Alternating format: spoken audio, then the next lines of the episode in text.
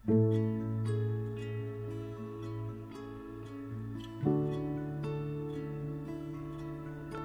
selamat hari Sabtu buat teman-teman yang merayakan malam minggu dan juga tidak. Gua Adrian dari podcast Sudut Curhat dengan bacotan topik ringan yang akan menemani lu dalam beberapa waktu ke depan.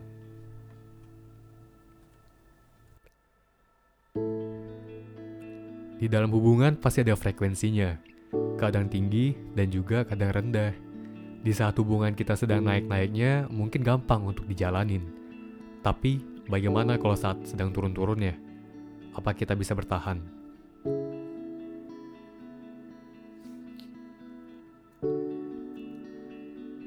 Halo semuanya, apa kabar? Gua harap kalian baik-baik aja dan tetap bisa menjadi lebih produktif selama PSBB ini. Gua nggak bakal bosan sih bilangin ini terus ke kalian, karena mumpung lagi liburan, bukan liburan sih, mumpung lagi online, kita harus mencari sebuah aktivitas yang bikin kita tetap produktif gitu. Oke, kalau ngobrolin tentang hubungan yang lancar sentosa, kayaknya enak banget ya, bawaannya senang mulu. Tapi kayaknya nggak ada gak sih hubungan yang tanpa lika-liku? Nah, pada malam ini, ada datang cerita dari Lala, nama yang udah disamarkan, yang masuk ke email sudut curhat. Jadi ini cerita tentang dari awal dikenal dan awal sebuah permasalahan yang datang. Dan menurut gue cerita ini menarik sih, karena gue pas baca itu kayak, anjir, kok bisa ya? Lala masih bertahan. Penasaran sama ceritanya? Kalau gitu sebelum gue bacain ceritanya seperti biasa gue bakal bacain dulu jawaban dari question yang udah gue buat tentang pernah gak sih ngalamin jatuhnya hubungan dan bangun gitu loh. Dan ada gue langsung bacanya semuanya anon aja kali ya karena gue sebelumnya ada kasih tahu kalau mau anon boleh tapi mungkin beberapa dari mereka nggak baca dan biar sama-sama nyaman gue bakal anonin semuanya oke Anon pertama. Mantan gue dulu rangkul cewek lain di depan gue. Tahan terus akhirnya nggak kuat. Terus putus. Kalau udah gitu ya bisa apa gitu lah. Yang kedua, gue selingkuh dan pacar gue tahu. Sekarang jadi krisis kepercayaan. Ya itu ibaratnya kayak nasi udah menjadi bubur. Udah gak bakal bisa kayak dulu lagi. Kepercayaan. Itu susah banget dibangun gitu loh. Ada yang ketiga, Mantan gue fuckboy banget, suka pepet sana sini cewek lain, tapi gue masih beta aja sama dia, sakit hati. Hmm, nama juga buaya darat. Ada yang keempat, pernah sayang terus bosan akhirnya putus. Ya, kalau misalkan pacaran, maksud gue menjalani hubungan tuh pasti ada titik bosannya. Dan di saat titik itulah yang susah sih menurut gue, di mana kita harus tetap bisa setia gitu loh. Nggak mungkin dalam hubungan yang senang terus dari awal sampai akhir gitu loh. Oke ada yang ke berapa ya? Gue lupa. Pokoknya yang kelima kali ya. Pernah pacaran 21 bulan tapi doi selingkuh sama 21 bulan. Dan putus gara-gara potong rambut. Sekarang dapat yang baru tapi nggak ada restu. Dicaci maki sama keluarga doi berkali-kali. Gila dulunya diselingkuhin selama 21 bulan dari awal sampai akhir. Sekarang hubungannya nggak direstuin. Wah itu berat sih. Emang keputusan orang tua tuh yang kadang-kadang bikin kita struggling gitu lanjut lagi. Ada Anon ngajarin dia caranya sayang sama orang dari nol. Sampai akhir dia bisa learn how to express his love. Tapi putus juga. Ya sedih sih di mana kita udah ngajarin dia cara memberi kasih sayang yang benar tapi pada akhirnya ditinggal. Dan ada lagi nggak dibolehin ortu mau backstreet juga kagak bisa. Putus deh. Pas habis itu cowoknya langsung main Tinder. Ya gimana ya? Baik lagi yang gue bilang. Nggak di bulan ortu tuh udah susah. Struggle strugglingnya tuh gede banget. Susah gitu loh. Susah buat ngejalanin.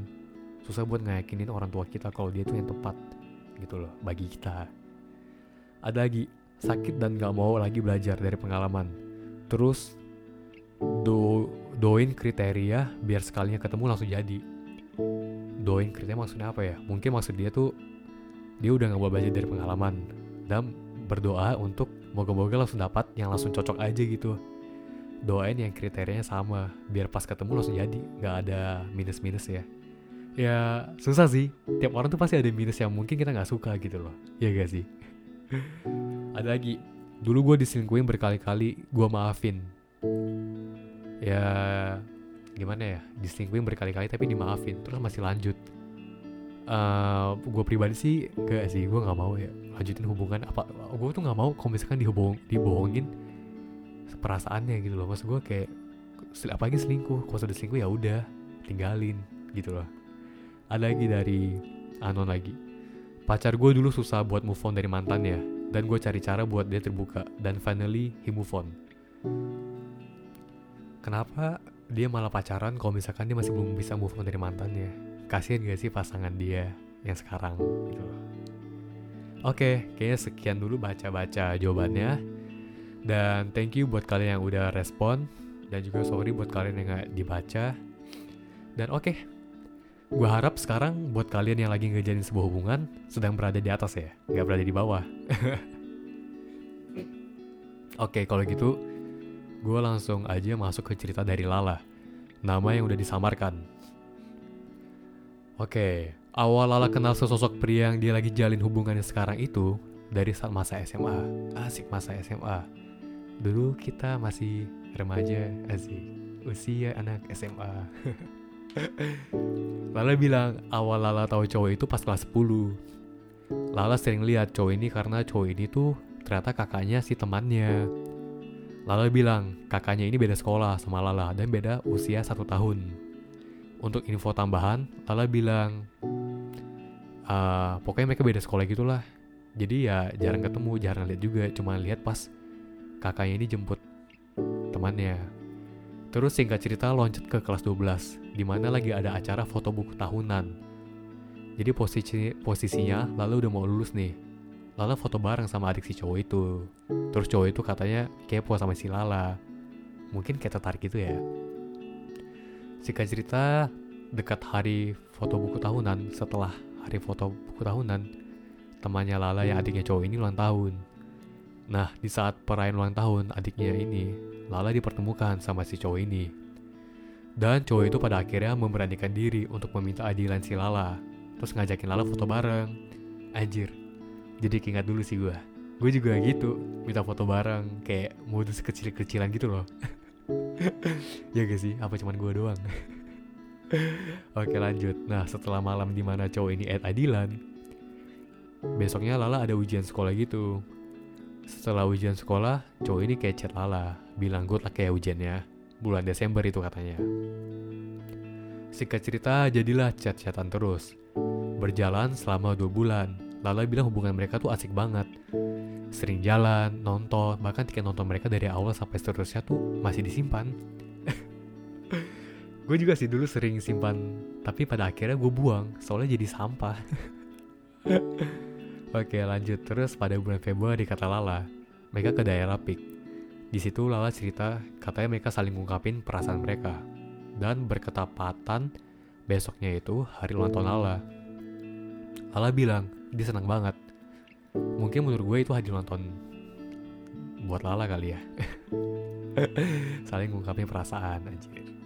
Oke lanjut, terus setelah saling ngungkapin ya jalanlah hubungan mereka. Sampai di mana singkat cerita pada bulan Agustus, itu saatnya Lala masuk kuliah. Lala bilang kalau cowoknya itu punya rasa takut.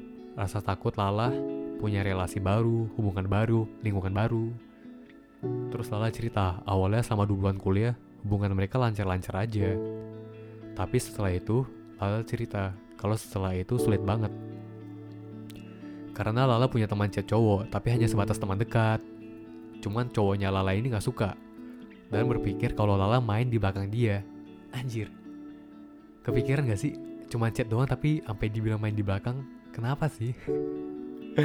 Aneh gitu menurut gue, jangkal. Janggal.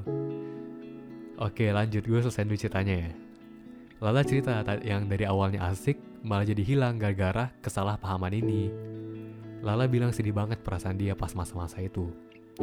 Singkat cerita, berjalanlah hubungan mereka yang jadinya gak saling percaya karena itu. Sampai pada bulan Desember, Lala cerita inilah titik terendah dia saat itu. Lala cerita kalau ada satu waktu, si cowok ini punya teman cewek. Nah, teman ceweknya ini kenalin si cowok Lala ke cewek lain karena cowok Lala ini udah jenuh katanya dengan hubungan dia sama Lala. Padahal kata Lala di depan Lala, teman ceweknya ini baik banget anjir ini sih menurut gue tai banget sih temannya begini kayak malah palsu gitu di depan. Eh palsu di belakang di depannya baik banget di belakangnya jahat gitu oke lanjut. Gue juga nggak tahu dari mana Lala bisa tahu ini soalnya Lala nggak ceritain. Singkat cerita akhirnya Lala coba tanya si cowok ini ada yang kamu sembunyiin nggak dari aku? Jujur aja. Terus seperti biasa cowok itu ngelak Terus Lala cerita, jadi mereka itu saling login sos sosmed gitu. Dan tiba-tiba ada notif si cewek ini masuk ke Instagram cowok Lala lewat akun All Shop. Karena ternyata setelah Lala tanyain si cowok ini, cowok ini langsung blok WA dan Instagram si cewek ini. Dan di saat itulah Lala jatuh banget. Jadi dia tuh setelah Lala tanya cowok ini, ada disembunyiin gak? Gak ada. Ternyata cowok itu langsung blok WA dan Instagram cewek yang dia chat ini dikenalin tahu-tahu cewek ini malah chat pakai all shopnya ke IG cowok ini gitu loh ngerti gak? Lala gambarin rasanya kayak jatuh dari ketinggian 50 meter Lala berasa dibohongin Terus Lala bilang tapi ada salahnya dia sendiri juga karena pernah ngerespon teman baru dia di kuliahan yang membuat hubungan mereka jadi nggak baik dan jadi nggak saya percaya. Anjir, emangnya kalau misalkan ngerespon itu gimana sih? Respon apa sih? Paling kan cuman kenalan dan juga ngobrol-ngobrol lah sih. Itu menurut gue sih nggak salah ya. Oke lanjut. Terus setelah kejadian itu Lala langsung telepon cowoknya buat tanyain apa maksudnya chat itu. Terus cowok ini katanya langsung minta maaf sama Kilaf. Langsung mau ajak si Lala ketemuan untuk selesain. Tapi Lalanya menolak dengan alasan butuh tenangin diri dulu. Terus singkat cerita Lala minta break selama tiga hari tapi selama tiga hari itu, cowok itu masih ngapa-ngabarin Lala aktivitasnya, biar si Lala nggak khawatir. Cuma Lala bilang, tetap aja pikiran dia yang kemarin-kemarin itu terus muncul. Dan akhirnya, setelah break, mereka ketemuan. Terus Lala bilang, akhirnya mereka selesaiin baik-baik. Dan mulai lagi berjalan hubungan mereka. Tapi, dengan kekangan yang benar-benar parah segala pertemanan tuh dibatesin gitu loh. Sebenarnya kekangan itu udah muncul sejak Lala chat sama teman dekatnya ini yang baru di kuliahan. Lala ngegambarin kekangannya itu kayak misalkan ya. Ini sih, ini yang pas gue baca gue langsung kayak anjir. Kok separah ini kekangannya Nih gue bacain yang Lala gambarin. Misalkan dia pergi sama temannya. Lala tuh harus videoin. Siapa aja. Anjir. Gila gak loh nyampe disuruh videoin. atau enggak sebutin sama siapa aja terus fotoin satu-satu anjir. Udah kayak mau just tip baju gitu loh minta fotoin satu-satu. Terus harus ada bukti katanya. Gila sih gue nggak bisa. Tapi Lala bilang walaupun udah begitu cowoknya tetap aja masih bete. Dan selalu menganggap itu salah. Terus Lala ada gambarin lagi misalkan lagi mau follow-followan IG harus jelasin dulu itu siapa cowoknya. Baru lihat apakah disetujuin atau enggak. Kalau nggak setuju nggak boleh fallback. Kalau setuju ya udah boleh fallback. Anjir itu sih kekang parah sih menurut gua. Aduh lanjut lagi. IG teman-teman cowok Lala yang menurut cowoknya ancaman disuruh blok. Terus tiap kali ketemuan sama Lala cowoknya harus selalu cek HP-nya ya aku misalkan cek HP sih ya menurut gua mungkin ada beberapa orang yang emang kayak begitu ya. Jadi kayak gue nggak permasalahin sih ya wajar-wajar aja. Cuman kalau misalkan nyampe disuruh videoin dan lain-lain ya itu parah sih. Dan Lala sendiri bilang gak sehat banget hubungannya begitu. Lalu Lala jawab chat lama dicurigain. Anjir kalau jawab chat lama dicurigain. Ya kan? Nggak 24 jam tuh tentang dia melulu gitu loh. Dia bilang pergi ke mana aja dicurigain. Bahkan pergi sama mamanya sendiri juga dicurigain Gila, gue sih gak mau sih anjir begini. Masa pergi sama orang tua dicurigain gitu loh. Kakangnya parah sih, kalau menurut gue ya. Sorry-sorry aja nih gue bilang gini. Tapi ya, bener gak sih? Apa cuma menurut gue doang yang begini? Terus dia bilang, kalau pergi ada cowoknya gak boleh. Gak ada alasan untuk pergi sama cowok. Pokoknya hanya boleh sama cewek. Kata Lala gitu. Wah gila. Dengan berat hati gue bilang, tenggelamkan hubungan yang begini. gila, gila, gila. Dan berjalanlah hubungan yang menurut Lala itu toksik sama tiga bulan. Sampai sampai akhirnya segala tatap muka diadakan online. Mereka berdua mulai sadar kalau hubungan mereka tuh udah cukup gak sehat. bukan cukup lagi sih ini udah nggak sehat banget menurut gue ya hubungan yang gak sehat tuh hubungannya dikekang parah sih itu menurut gue udah nggak sehat bukan cukup lagi menurut gue dan Lala bilang mereka belajar untuk sama-sama membangun hubungan yang lebih baik lagi Lala bilang dengan cara mereka udah nggak saling pegang sosmed. Dan ya pemikiran overthinking terhadap sesama mulai berkurang. Walaupun masih ada rasa-rasa protektif lebih dari cowoknya. Cuma perlahan-lahan coba belajar. Katanya sih gitu. Dan ini akhir cerita dari Lala Tentang cowok yang dia lagi jalin hubungannya. Hmm Gimana nih menurut kalian? Menarik gak? Kalau menurut gue Dari cerita yang ditulis si Lala Ya ada beberapa poin yang menurut gue penting sih. Kayak poin pertama Jatuh hubungan itu wajar. Awal-awal hubungan itu biasanya naik banget. Manis banget. Ya gak sih? Kayak anjir awal-awal tuh pasti berbunga-bunga terus senyum-senyum terus. Happy deh pokoknya. Sampai-sampai ada suatu masalah yang gak bisa diberikan solusi yang benar. Dari ceritanya Ella menggengkang perasaan sendiri dengan alasan yang menurut gua gak masuk akal ya agak gimana gitu. Ya gak sih? Dengarkan ceritanya tadi dikekang dengan alasan yang gak masuk akal. Pergi sama orang tua dicurigain. Balas chat lama dicurigain. Aduh. Pusing sih gue kalau ngejalanin hubungannya begitu ya. Poin kedua di mana dari cerita awal si Lala dia bilang karena Lala masuk awal kuliah dan lingkungan baru dan juga pertama baru cowoknya jadi lebih ngebatasin gitu. Ya nggak salah sih sebenarnya. Gue ngerti rasa takut dan khawatir tuh ada. Tapi ya khawatir sewajarnya gitu loh. Kebayang gak sih? Di mana harusnya kita memulai pertemanan baru dan lingkungan baru, tapi kita malah dikekang begitu kerasnya. Kayak kita malah dibuatin kandang sama pacar sendiri, anjir gak enak banget pasti. Kekang yang diceritain Ella menurut gue tuh gak wajar sih, ya gak sih? Apa cuma menurut gue doang? Menurut lu pada gimana nih? Kekangnya Ella wajar gak? menurut gue sih terlalu berlebihan ya rasa kepercayaan di hubungan mereka tuh udah benar-benar hilang di saat itu.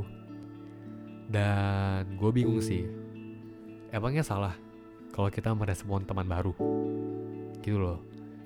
Gue nggak tahu sih responnya Lala gimana, tapi Lala bilang emang cuma teman baru yang dekat. Dan yang menurut gue wajar jika kita ada di sebuah lingkungan baru, terus ada orang baru yang masuk ke circle kita gitu loh. Setuju gak sih? Kayak ya wajar lah pertama kali masuk kuliah kenal sama teman baru terus misalkan beda daerah ya kita pasti ngobrol lah eh daerah lu gimana nih daerah lu makanannya enak apa coba dong fotoin dong ada fotonya gak atau enggak eh daerah lu punya tempat wisata apa? Asik gak? Gitu loh ya gak sih? Kalian pas kuliah gitu ya sih? Kayak apa ya? Ngobrol seperlunya gitu loh kayak teman baru circle baru ya udah. Ngobrolin masa lalu mungkin atau enggak apa gitu atau enggak rencana ke depannya ntar pas kelas gimana tugas gimana gitu loh. Tapi berbeda cerita kalau misalkan kedekatan mereka itu sampai nonton berdua dan lain-lain lah yang benar-benar dalam arti kata intens gitu loh aktivitas yang mungkin bisa menyebabkan perasaan tak terduga muncul ya itu mungkin bisa gue maklumin sih menurut gue gitu loh ya gak sih tapi baik lagi kalau cuma sekedar chat dan teman kuliah ya wajar lah Berbicara tentang ini, gue dari pengalaman gue juga dulu gue takut. Bukan hanya takut sih, gue takut banget pas cewek gue itu pas masuk kuliah. Ya iyalah gue, setiap orang tuh punya insecure sendiri gak sih? Gue takut banget cewek gue itu waktu itu kenalan sama cowok yang lebih gimana ya bilangnya ya? Ibaratnya yang lebih keren lah yang lebih wow dari kita gitu loh. Tapi ya menurut gue waktu itu gue salah. Harusnya gue nggak perlu takut harusnya gue bisa percaya gitu loh. Dan pada saat itu ya gue coba untuk tenang gitu loh menurut gue ya. Menurut gue kenapa nggak coba untuk lebih tenang gitu loh karena kita tuh bukan anak SD lagi yang mungkin masih belum tahu tentang batasan dan lain-lain. Dari ceritanya tuh Ella tuh udah anak kuliahan men. Dan yang pada umumnya anak kuliah ya udah tau lah batasannya masing-masing. Nggak perlu dibikin garis pembatas buatan pacar gitu loh menurut gue ya gak sih? Kalau menurut kalian gimana? Ya sebenarnya ngebatasin boleh cuma wajar. Sebat batasin yang sewajarnya gitu loh kayak menurut kalian protektif yang kayak begitu wajar gak sih? Baik gak sih untuk jalanin dari yang ceritanya si Ella ini? Gue pribadi sih gak bakal kuat untuk ngejalanin hubungan begitu. Aduh gila. Ngejalanin hubungan yang benar-benar dikekang parah yang kalau misalkan jalan foto video foto video eh uh, nggak sih gue nggak mau. Gue bisa bilang sih kok bisa sih kepercayaan hubungan kita hancur hanya karena chat sama teman baru yang hanya sekedar teman kuliah. Kecuali teman kuliahnya Zen Malik. Ya iya seram juga. Gue paham kalau itu. Mungkin gue pribadi dulu juga pernah ngerasa setakut dan sekhawatir itu. Tapi seiring berjalannya waktu, gue sadar itu bukanlah sol sebuah solusi yang benar. Dan menurut gue, solusi yang benar itu jangan terlalu fokus pada kesalahan, tapi lebih baik ke solusi. Apa yang bisa kita maksimalkan untuk hubungan kita. Dan ya, berilah kebebasan dan batasan yang sewajarnya yang kayak gue bilang tadi. Pokoknya tuh ya gimana ya orang kuliah tuh udah harusnya udah lebih dewasa lah gak sih dari SMA harusnya udah tau batasan dan juga harusnya udah bisa tahu diri punya kesadaran masing-masing lah gitu loh. Dari awal tuh lu tuh udah harus bicarain sebuah komitmen hubungan lu. Biar ke depannya tuh kepercayaan lu pada tuh nggak gampang hancur ya gak sih? Karena ya udahlah gini deh. Gue juga nggak munafik sih. Gue kalau ngejalin sebuah hubungan gue pasti memberi batasan juga. Tapi yang sewajarnya lagi gitu loh. Baik lagi yang tadi sewajarnya. Demi guna menghindari hal-hal yang tidak diinginkan ngerti gak sih maksud gue hal-hal yang tidak diinginkan. Ya ada seram-seram gelinya juga sih. Misalkan kita terlalu bebasin pacar kita takutnya dia malah nyaman ke pelukan orang lain. Kan kita nggak tahu. Anjir. Oke. Okay. poin ketiga. Ya gimana ya? Takut juga iya sih. Tapi kembali lagi kita harus mikir menurut gue wajar gak sih alasan kita untuk takut wajar gak sih alasan kita untuk melarang ini itu? Wajar gak sih dampak yang diberikan ke pasangan kita nantinya? Gitu loh. Kayak apa ya? Kalau sampai harus videoin tiap kali lu jalan sama teman lu dan gak boleh ada cowok ya anjir ini dampaknya tuh bukan ke diri sendiri doang tapi bisa berdampak ke teman-temannya juga. Di mana jujur aja nih kalau gue jadi temannya Ella gue malas banget. Kayak aduh ngerusak vibes banget gak sih? Dikit-dikit video dikit-dikit foto. Kayak apaan sih? Lu harusnya tuh malah have fun sama teman lu ngerjain tugas bareng main lah. Ya apa ya bonding lah bilangnya ya. Tapi malah disuruh kayak begitu.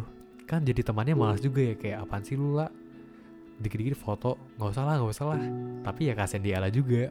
Itu sebuah permintaan wajib gitu loh buat cowoknya hanya untuk bukti kalau dia menjadi peliharaan yang baik bagi pasangannya kasarnya sih begitu ya aduh sorry kalau misalkan terlalu kasar ya tapi ya menurut gue begitu dikurung sama pasangan sendiri tuh gak enak. Coba deh, kita suruh balikin keadaannya. Kita yang mengurung pasangan kita, gak boleh ini itu. Apa pendapat pasangan kita? Gitu loh. Ya, gue nggak tahu sih Ella ke pasangannya ini gimana. Apakah Ella juga begitu makanya pasangannya begini juga? Soalnya Ella nggak ada jelasin. Cuman dari yang Ella cerita, ya Ella cuma bilang dia cuma berjalan apa ya ngejalanin hari-hari dia seperti biasa. Sama teman teman kuliah ngobrol-ngobrol gitu loh. Tapi malah dibatasin. Cuma ya baik lagi sih. Dalam suatu hubungan pasti ada jatuh bangunnya. Ella yang memiliki pribadi yang mungkin gue bisa bilang kuat. Dan sayangnya itu besar banget. Sampai-sampai dia bisa kembali membangun hubungan dia yang kalau misalkan gue di posisi Ella gue nggak bisa. Anjir apakah gue orang yang gampang menyerah? Atau gue lebih Apa ya Orangnya lebih kepikiran kali ya Bukan ke hati. Ya lagi gimana ya? Gue baik lagi nih Gue bilang lagi nih Kesekian kalinya. Mau berteman Di lingkungan baru Mau beradaptasi Malah dibatasin ya kan? Kasian. Gue kan pernah gak sih bilang di episode sebelumnya Kayak umur-umur masa kuliah baru kuliah gitu kayak umur masih umur 18 17 19 gitu kan. Itu tuh umur-umur masih perkembangan. Ya masa tumbuh kembang lu dihambat sama pacar lu yang mungkin ke depannya masih belum menjadi suami atau istri lu gitu loh. Ya gak sih? Sependapat gak? Kayak ya kalau misalkan dari awal udah dikekang ntar pas nikah gimana? Kan itu kan komitmennya lebih gede lagi. Masa lebih dikekang lagi? Gila gak sih aduh tapi ya doa gue tetap yang terbaik buat Ella dan cowoknya. Semoga bisa menjadi lebih dewasa dan bisa lebih sehat lagi dalam berhubungan. Terus juga poin keempat gue pas baca akhirnya ya senang sih bacanya. Di mana di saat mereka maksud gue di saat Ella cerita di pertengahan mereka kayak anjir jatuh banget. Jatuh sejatuh jatuhnya sebenarnya gue tapi pada akhirnya mereka udah benar-benar memutuskan untuk coba refleksi dan menjalin sebuah hubungan yang jauh lebih sehat dari sebelumnya. Gitu loh. Ya gue mau bilang nih, gue dengan gue berbicara dari tadi, gue tuh gak mau menyudutkan pihak sebelah. Mungkin emang pada saat itu menurut gue caranya salah. Tapi kan yang terpenting mengetahui kesalahan dan memperbaiki, ya gak sih? Karena pada akhirnya dia bilang ya udahlah sama-sama tahu lah sama-sama hubungannya gak sehat perbaikilah ya itu oke okay sih menurut gue itu udah bagus banget. Dan ya kita nggak bisa bilang itu 100% salah. Karena pandangan orang berbeda-beda sih. Ya bisa jadi menurut cowok itu mungkin ada masa lalu Ella yang bikin cowok itu takut. Atau enggak masa lalu cowok itu sendiri yang bikin dia takut untuk memberikan kebebasan penuh gitu loh. Gue nggak tahu Ella nggak ceritain gitu loh cuman ya itu pandangan gue dan saran gue buat Ella misalkan lu Ella nanya gue Dri saran lu apa nih buat gue tentang hubungan gue yang ini?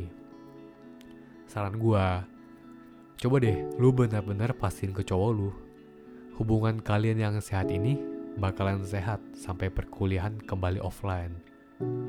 Karena ya bisa jadi cuma karena online jadi cowok lu lebih merasa tenang gitu loh ya gak sih bukannya berprasangka buruk aja cuman kayak mastiin aja gitu loh. Karena kalau misalnya pas offline kan jadi ketemu-temu teman-teman lagi apalagi semester baru teman baru lagi. Ntar cowok lu malah takut lagi gitu loh. Ya gak sih? Apa guanya yang terlalu berprasangka buruk? Cuman ya udah gue baik lagi. Ini cuma buat mastiin aja karena kan mumpung lagi online. Dan Ella sendiri cerita hubungan mereka menjadi lebih sehat karena online udah nggak tatap muka mereka sama-sama sadar. Ya kalau misalkan offline tiba-tiba gitu lagi ya gimana? Gitu loh ya gak sih? Sehatnya hubungan kan harus ini bisa bertahan sampai seterusnya ya gak sih? Itu doa gue sih sekali untuk kalian. Semoga kalian yang lagi ngejalin hubungan bisa menjalani hubungan yang sehat terus sampai akhir sampai nikah lah sampai nenek sampai punya cicit lah Dan ya gue yakin buat kalian yang lagi dengerin juga pasti mengharapkan hal yang sama, yang terbaik buat Ella, iya gak sih? Ngomongin tentang jatuh bangun yang hubungan tuh ya gimana ya? Ada lucunya, ada sedih juga. Tapi kalau misalkan hubungan kalian jatuh, terus gak baik-baik lagi naik ke atas, anjir, sedih gak sih? Di saat hubungan udah naik terus jatuh, terus dia langsung putus kayak gak ada ceritanya gitu loh. Tapi kalau misalkan hubungannya yang naik terus jatuh terus naik lagi kan itu kayak ada apa ya kayak ada memori-memori tersimpan gitu loh. Bukan berarti bisa bukan berarti gue bilang kayak ini lu pada yang lagi jatuh harus bangun gitu loh. Karena menurut gue kalau misalkan jatuhnya udah menurut kalian udah terlalu toksik ya udah nggak apa-apa kalau kalian lepasin gitu loh. Buat diri kalian sendiri juga dan juga buat lingkungan sekitar lu. Ya siapa tahu ada yang gak nyaman sama hubungan lu gitu loh. Terlalu toksik toksik itu nyampe menjalar ke mana-mana. Ya kayak tadi yang gue bilang nyampe videoin teman-temannya ya itu menurut gue teman-temannya bakal pasti sebenarnya nggak nyaman gak sih? Gue nggak tahu ya. Kalian nyaman gak sih kalau misalnya punya teman yang pacar itu harus videoin dan foto kayak apa-apa diawasin kayak CCTV gitu loh 24 jam? Nyebelin gak sih anjir gue sih nyebelin banget dengernya. Sorry ya lah tapi ya baik lagi. Aduh gue ngomongnya baik lagi nih. Kayak ya udah baik lagi nih. Pada akhirnya kalian coba untuk hubungan sehat. Ya udahlah amin. Amin buat kalian. Oke. Dengan berhati kayaknya gue bilang sekian episode hari ini tentang hmm gue bisa kasih judul hubungan kita hancur karena kepercayaan kita nol cocok gak judul ya karena poin yang gue dapet itu sih. Gue mau ingatin sekali lagi. Kalau dengan gue ngomong begini bukan berarti gue menyuruh atau menghasut. Di sini gue cuma mau menjadi orang yang berbagi sudut cerita gue sendiri. Orang yang hanya ingin mendengar dan bercerita.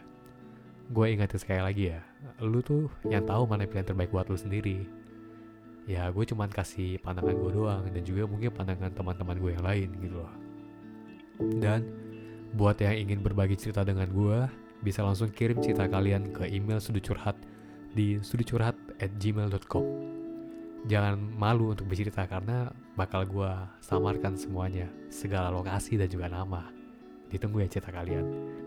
Sekian dan terima kasih buat yang udah dengerin dari awal hingga akhir. Semoga gue lumayan menemani lu di malam minggu ini. Gua Adrian dari Sudut Curhat. Salam dan sehat selalu. Bye-bye.